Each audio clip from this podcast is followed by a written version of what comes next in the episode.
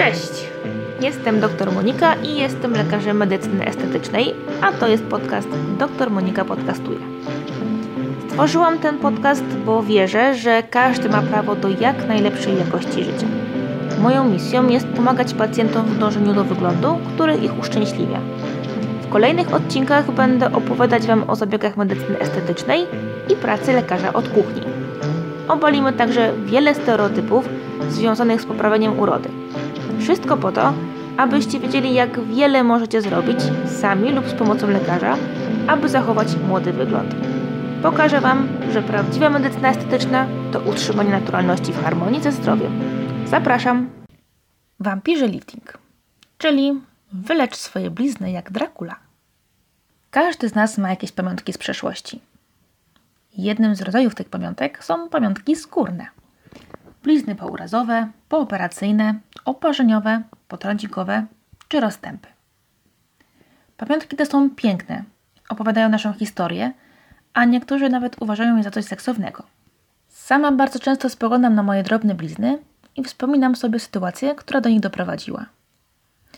Dzisiaj porozmawiamy o tym, jak wampirzy lifting może pomóc w walce z niechcianymi bliznami. Sama mam wiele blizn na ciele, jednak widoczność niektórych z nich przeszkadza mi bardziej niż innych. Najgorsze są te na twarzy. Wiem, że wśród Was też są osoby, które chciałyby ukryć te drobnostki przed światem zewnętrznym i o nich zapomnieć. Czas leczy rany. Blizna jest to stały etap gojenia się skóry po jej uszkodzeniu.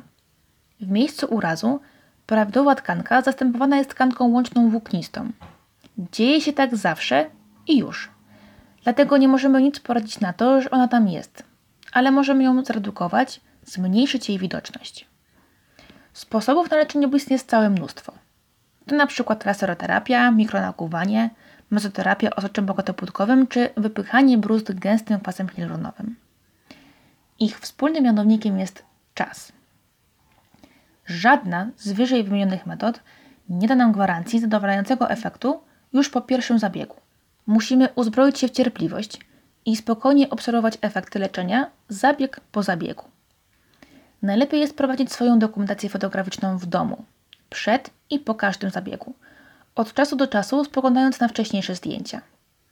Oglądając swoją skórę dzień po dniu, niekoniecznie dostrzeżemy, jak blizna zmienia się z czasem. Ale czym jest kilkanaście zabiegów w perspektywie całego życia? Dlaczego wampirzy lifting jest idealny na blizny? Osocze bogatopłótkowe pozyskiwane jest z własnej krwi pacjenta. Za pomocą specjalnego urządzenia z pobranej od pacjenta krwi wyodrębnia się płytki krwi, które są bogate w czynniki wzrostu. Czynniki wzrostu natomiast działają na pobudzenie komórek skóry, ich szybszego dojrzewania, tworzenia się nowych naczyń i stymulację fibroblastów do produkcji włókien kolagonowych. A to wszystko ma wpływ na rewitalizację i odnowę skóry. Poprawia wygląd uszkodzonej skóry. Dlatego właśnie wampirzy lifting to nie tylko skuteczna metoda, ale w 100% naturalna. Jeżeli chcesz więcej dowiedzieć się o samym zabiegu, zajrzyj do poprzedniego podcastu. Zacznij wampirzy lifting jak najwcześniej. Kiedy zacząć terapię? Najlepiej jak najszybciej. Blizna po urazie dojrzewa około roku. Póki blizna jest świeża, różowa i jest bardziej podatna i bardziej chłonna na substancje regenerujące zawarte w osoczu bogatopłytkowym. Tak naprawdę zabiegi można zacząć stosować nawet wtedy, kiedy założone są jeszcze szwy. Wtedy nawet lepiej zastosować fibrynę bogatopłytkową, która poprzez swoją bardziej usieciowaną strukturę sprawia, że czynniki wzrostu uwalniają ją powoli, przez co cały proces regeneracyjny dla skóry trwa dłużej. Zabiegi można powtarzać nawet co kilka dni, co ma szczególne znaczenie w przypadku trudno gojących się ran i owrzodzeń. Blizny przyrosłe, a wampirzy lifting. Nie wszystkie blizny kwalifikują się do terapii stymulujących skórę. Prawidłowa blizna to blizna zanikowa, delikatnie wklęsła, miękka i blada.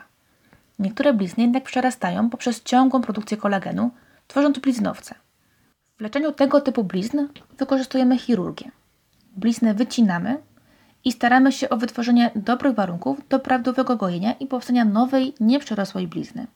Leczenie możemy także wspomóc miejscową stereoterapią, której celem jest zahamowanie nieprawidłowego wzrostu, a także laseroterapię, uzyskując przebudowanie blizny. Usuwać czy nie usuwać? Podsumowując, jeszcze kilkanaście lat temu, widząc niewygodną bliznę w lustrze, moglibyśmy tylko wzruszyć ramionami. Teraz, mając nowoczesne techniki, możemy naprawdę wiele. Czy jednak warto decydować się na lifting w Twoim przypadku? Musisz decydować sam. Ja kiedyś miałam bliznę na policzku, która witała mnie codziennie rano podczas porannego mycia zębów. No właśnie, miałam. Teraz jest ledwo widoczna. Dlatego zrób tak, żebyś czuł się dobrze we własnej skórze, nawet jeśli będzie ona pełna blizn. Dzięki za wysłuchanie tego odcinka. Pamiętaj, żeby śledzić profil dr Monika na Facebooku i Instagramie, gdzie pojawiają się treści niedostępne tutaj. Pokazuję tam m.in. efekty wykonanych zabiegów i odpowiadam na Wasze pytania. Dzięki i do usłyszenia w kolejnym odcinku.